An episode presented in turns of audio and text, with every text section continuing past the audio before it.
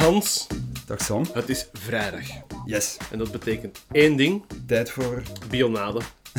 bionade. Maar ook het betere Sam, bochtenwerk. Sam drinkt gemiddeld drie bionades per. Het is tijd voor het betere bochtenwerk, vrienden van het internet. En we zijn aangekomen aan deel 17.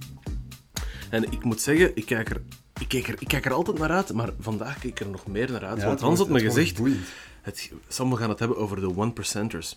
En wat zijn one-percenters, Hans? Dat zijn, dat zijn Dat bikers. zijn de bikers, Dat zijn. Harley-Davidson-rijders. eh. Maar niet allemaal. Het is een kleine groep ervan. Degene die zegt, wij houden ons niet aan de regels. De 1% van alle bikers die zeggen, eh, fuck the rules. Laten we het zo zeggen. En vandaag gaan wij ons als sales ook een beetje gedragen als de 1%ers. 1% is beter dan de rest dan. Dat is het dan. Zoiets. Nee, ehm, dat 1%, we gaan dat eerst eens even anders bekijken. Ehm, verkoop is... Dat is iets anders dan operations. Operations, dat is gemakkelijk. Als je, als je met een eh, fabriek zit bijvoorbeeld en de productie ziet met een efficiëntie die wat te laag is, dat is niks, dan doet je een beetje meer moeite ehm, en dan gaat die ook een beetje omhoog. Hè.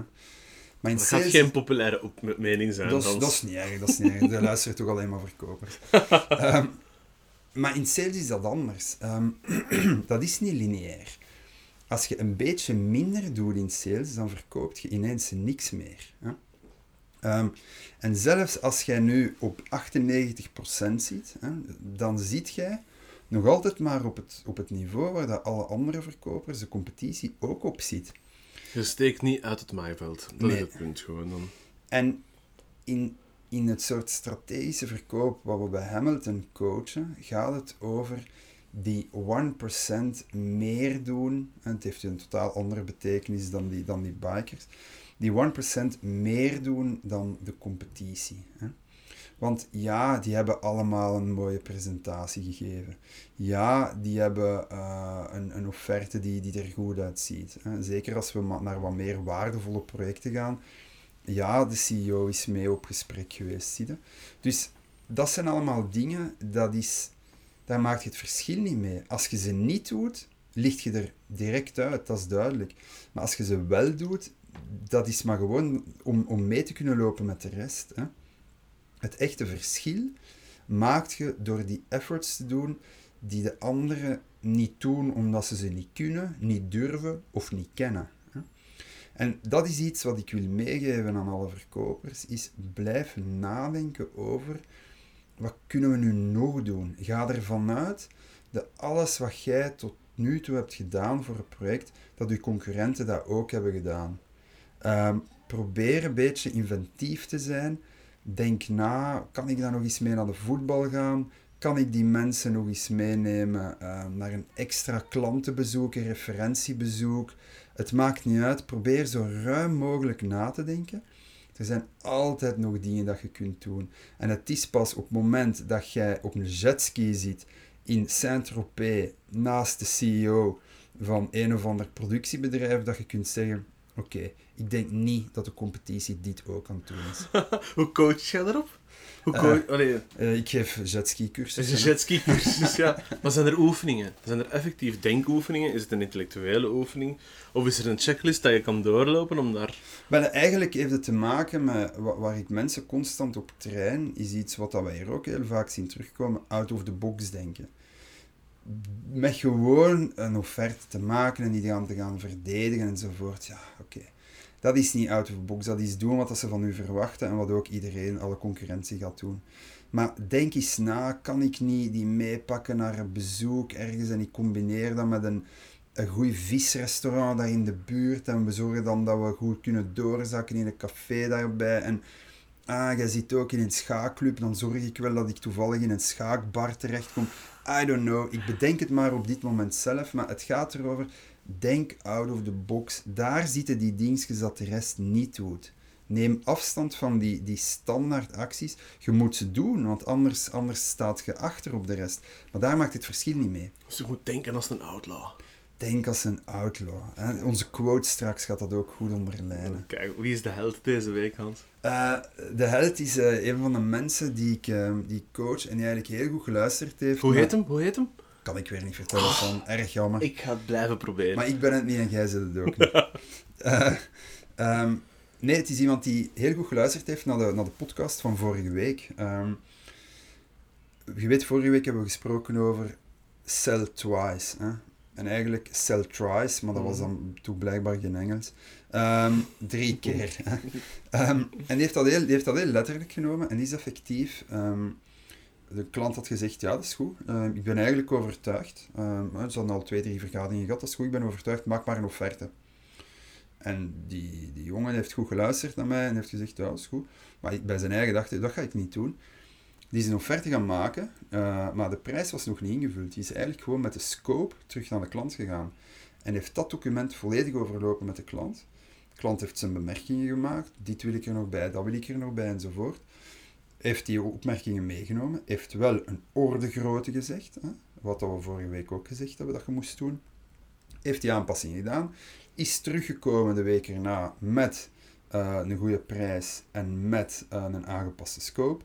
Klant had alles wat er op dat blad stond, in dat document stond al gezien. Hè? Ja. Was alleen aangenaam verrast van de extra's. Het was nog completer dan de vorige keer.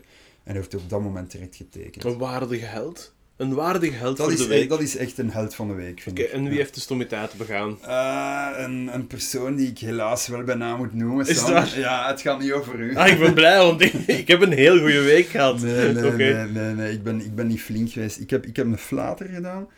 Het is echt een beginnersfout. Ik ging ergens bij een klant een coaching verkopen. En die klant had al een paar keer aangehaald van... Ja, maar ik wil eigenlijk aan het begin van die coaching wil ik ook een klassieke opleiding hebben.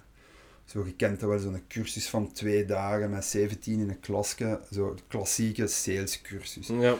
Oké, als die klant dat belangrijk vindt, dan, dan, dan, dan respecteer ik dat. Hè. Maar eigenlijk is dat iets wat ik niet doe. Maar toch vanuit de soort... Waarom niet? Waarom niet? Wel, omdat dat eigenlijk gewoon niet werkt. Ehm, ik heb zelf een aantal van die cursussen gegeven, ik heb er ook gevolgd. ehm, totdat je dan twee weken later meegaat met mensen dat zo'n cursus hebben gedaan. En je ziet absoluut geen verschil in hun gedrag ten Mhm. opzichte van een maand daarvoor. Mhm. Dus daar, dat geeft bijzonder weinig resultaten.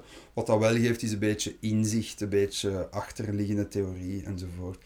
Maar dat vind ik dan duur betaald. Coaching Enfin, is waardevoller dan. coaching is het enige wat werkt. Mhm. Ehm, nu, die mens zegt van, ja, maar voor mij is dat echt wel belangrijk. En in plaats van met hem mee te denken en te zeggen van, eh, mee na te denken over hoe dat, dat zich dan laat combineren met mijn traject, heb ik geprobeerd om dat zelf volledig aan te bieden. En dus ben ik een nieuw document beginnen maken, waarin dat ik dan zo een, een echte opleiding heb, heb samengesteld enzovoort. Hè. Gevolgd dan door een klassieke coaching. Maar dat is dom, want je begeeft je op terrein wat je eigenlijk niet goed kent. Mhm. Ehm, en dus, ik heb dat dan afgegeven, daar heb ik wel wat tijd in gestoken. Ik heb het dan afgegeven. Ehm, even laten rusten, we hebben dan verder gepraat. Hè. En dan zei hij, ja, ik heb eigenlijk... eh, ik heb nog iets nagedacht en ik ga die, die initiële opleiding ga ik bij een gespecialiseerd bedrijf steken dat niks anders kun, kan. En de coaching ga ik dan bij u steken. En eigenlijk was dat super logisch. Mhm. En eigenlijk is het een schande dat ik niet met dat voorstel ben gekomen. Ja. Ik had dan moeten zeggen, steek die, steek die opleiding bij zo'n typisch opleidingsfabriek en kom de coaching bij mij doen. Dat is, ik had met dat idee moeten komen. Wat heeft me dan nu gekost? Ik had het even goed kunnen kwijtspelen. Ik heb redelijk veel tijd gestoken om die offerte ineen te steken. En mijn credibiliteit heeft daar zelfs een beetje onder geleden, want hij voelde ook dat ik dat daarvan probeerde weg te houden. Dus slechte punten voor mezelf. Nu, het is wel verkocht. Kijk, goeie blooper dan. ja. Oké. Call the cops. Yes. Uh, call the sales department. Oké, de ja. koops mocht je ook bellen. Mhm. Ehm, nee, ik vind dat een goede tip. Ehm, we hebben het daar nogal eens over gehad een aantal weken of maanden geleden, maar er is een bepaalde collegialiteit onder verkopers. Ehm, Is dat zo? ja. Dat is niet mijn ervaring tenminste hoor. ja, maar niet binnen hetzelfde bedrijf. Ik bedoel, het, op het hoogste niveau, ehm, als, jij een verkoper, als jij in de verkoop zit bij in een, weet ik veel, een bulldozerbedrijf, en ik zit in de verkoop in... Oh, Oké, ja, ja. Bel Dus- de verkopers van de klant die je wilt bereiken, bedoel je dan? Van business developer naar... Ik ben helemaal juist, akkoord. Daar hebben we Dat is hetgeen, ik zag er op het bord staan. Ik zeg, maar ik begrijp het niet. Nee. Wat heeft dan nu vernut om dat op die manier te gaan doen? Dat, dat is maar het, helpt inderdaad wel. You Wel, scratch het- my het- back and I'll scratch yours. Wel, maar zelfs, zelfs als jij niks voor hen kunt betekenen, Mhm. hè, want dat moet al heel toevallig zijn dat je dat de ene, eh, stel je voor dat jij verf verkoopt, hè, dan kan aan een bulldozerfabriek, eh, wat is de kans dat die een bulldozer aan uw verffabriek gaat kunnen verkopen? Dat is niet groot. Hè. Ehm, maar dat is niet erg. Er is een bepaalde collegialiteit van, kijk, je belt die mensen en zegt, kijk, ik zit ook in de verkoop. Je kent, je weet waar ik mee bezig ben, je weet hoe moeilijk het is. Dit is wat ik wil doen. Ik heb gehoord dat die persoon de, de man is die een aan het touwtje steekt. Klopt dat? Uh, heb ik dat juist begrepen? Kun je mij een tip geven hoe ik daarbij kan geraken? Ik kan u garanderen dat er onder verkopers een soort brotherhood Ja, is, ja, ja. waarin dat ze elkaar toch wel een Ja, beetje gaan daar, daar voel ik u helemaal in. Ja, daar voel ik u absoluut helemaal in. Ja. En dan de tip, de sales tip. Ehm, wel, dat was eigenlijk eh, de sales tip, Sam. Ehm, maar er is inderdaad nog wel iets anders waar dat ik over wil praten. Ehm, en dat is het belang van mensen bij u uit te nodigen. Hè? Want ik vind dat dat te weinig gebeurt. Ehm, Bij je thuis. nee, niet bij u thuis. Ehm, bij, u, bij, u, bij u in bedrijf. Als jij met een partij in zee wilt gaan, hè, vaak zijn die daar geen vragende partij om, om bij u op bedrijfsbezoek te komen. Nee. Hè. Maar toch heeft dat een heel sterk eh, psychologisch effect. Dat gaat, dat gaat terug naar dat primaire van ik laat u in mijn terrein toe, ik laat u in mijn grot of, of whatever toe. Hè. Ik heb niks te verbergen. Kijk, dit is wie wij zijn. En zo'n gebouw, hoe banaal het voor u soms mag lijken, omdat je er al lang ziet, is toch heel veelzeggend voor een klant. Zitten die groot, zitten die klein, is dat daar opgeruimd, is dat daar rommelig, zitten die met heel veel jonge mensen of met oudere mensen. Er zijn eigenlijk heel veel dingen die, je, die niet zo belangrijk lijken, maar die je in één oogopslag allemaal kunt waarnemen. Zie je? Ja. Dus ik ben daar een absolute voorstander van, behalve eh, in een aantal specifieke gevallen. Ehm, bijvoorbeeld als je een start-up hebt. Vaak zitten die mensen in zo'n een incubator. hè, ja. tussen- Op paletten. op paletten, eh, met een poeltafel. En, allee, je kent ze wel. Niks, mis mee, niks mis mee. Ehm, Ja, het is ook het is een een stiek wel waar dat sommige start-ups zich, zich, zich aan, aan, aan vergalopperen ook. Hè. wel, het, het is niet omdat je een poeltafel hebt dat je succesvol wordt, laten we het zo zeggen. Inderdaad. Ehm, maar wat, wat wel zo is, is als je daar mensen gaat ontvangen. eh, sommige van die incubators zijn heel tof, heel mooie gebouwen, andere zijn een beetje meer afgeleefd. Ehm, dat geeft niet direct vertrouwen. Ehm, waarom? Je gaat hier in de verf zetten dat je pas bezig bent, dat je kleinschalig bent, dat je omringd wordt met allemaal jonge mensen die eigenlijk vooral aan het, verkennen zijn hoe het allemaal werkt. Zie je? Uw, uw ultiem doel blijft om het het gaan creëren van vertrouwen. Hè? En in zo'n omgeving is dat niet altijd zo evident. Dus dat is de enige specifieke situatie waarin ik toch klanten zou uitnodigen, maar dan niet zozeer bij u, maar probeer die te gaan uitnodigen bij andere van uw klanten, als je die al hebt. Hè? Mhm.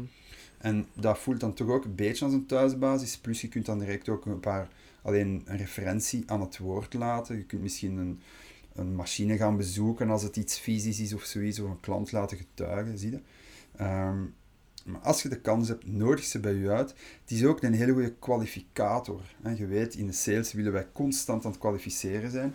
Hoe zijn mijn kansen hier? Hè? En zeker voor belangrijke projecten, als een klant niet bereid is om een uurtje naar u te rijden, met u rond de tafel te zitten om eens rond te kijken en terug naar huis te gaan, als die het niet bereid is om dat te doen, dan geef ik u op een briefje dat die niet voor 100.000 euro bij u gaat bestellen. Ja. Zie je? Ja, ja. Dus dat is ook weer... Maar ik denk dat dat zelfs dat dat geld kan gelden voor, voor bedragen die veel lager zijn dan 100.000 euro. In alle eerlijkheid. Ik denk dat dat een hele goede tip is of dat je nu een klein een B2B bedrijf hebt of, dat, of zelfs een klein B2C bedrijf Ja. hebt. Ik denk dat dat een goede, een goede startpunt is om dat als eerste vraag te stellen. Ja. Als, er een, als er een eerste vergadering moet, ge, moet gepland worden, van ze te vragen van ja, kom, kom langs, kom, dan kan je de rest van het team ontmoeten. Ik denk dat dat... Ja, wel, dat, dat was het volgende wat ik ging zeggen. Dat is ook nog een voordeel, dat je heel, op een efficiënte manier heel wat verschillende mensen met, met de klant in contact kunt brengen. Het is ook belangrijk dat je dan zorgt dat hij niet alleen komt, want er twee, drie, misschien zelfs vijf man van de klant komt. Hè. En dat je die echt, je, je laat mensen passeren, ja, die zijn van de projectleiders, die zijn van de ontwerpers. laat die maar in contact komen met elkaar. Laat die elkaar maar bestuiven. Zie je? Hmm. We hebben een aantal weken gezegd, geleden gezegd dat bedrijven moeten proberen dat die in elkaar vervlochten geraken. Hè?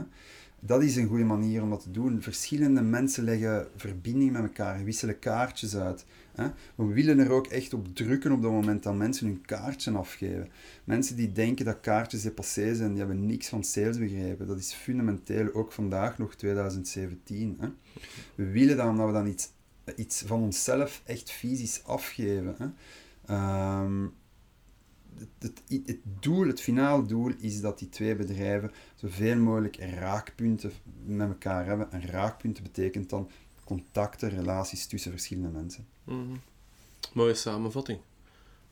En daar coach jij dan ook in, Hans? Je vergeet het altijd te zeggen ja, ja, ook, hè? ik- eigenlijk ben ik geen goede verkoper. Nee, nee, je- je deelt al je informatie, maar wil je dit zelf ook meemaken? Wil je, wil je hier zelf ook eh, mee vertrokken geraken? Hè? Stuur Hans een mailtje. Info Coaching. Ja, ehm, misschien, ik ga toch iets commercieel doen. Ehm, wat we heel vaak doen de laatste tijd, is een keer een gratis sessie.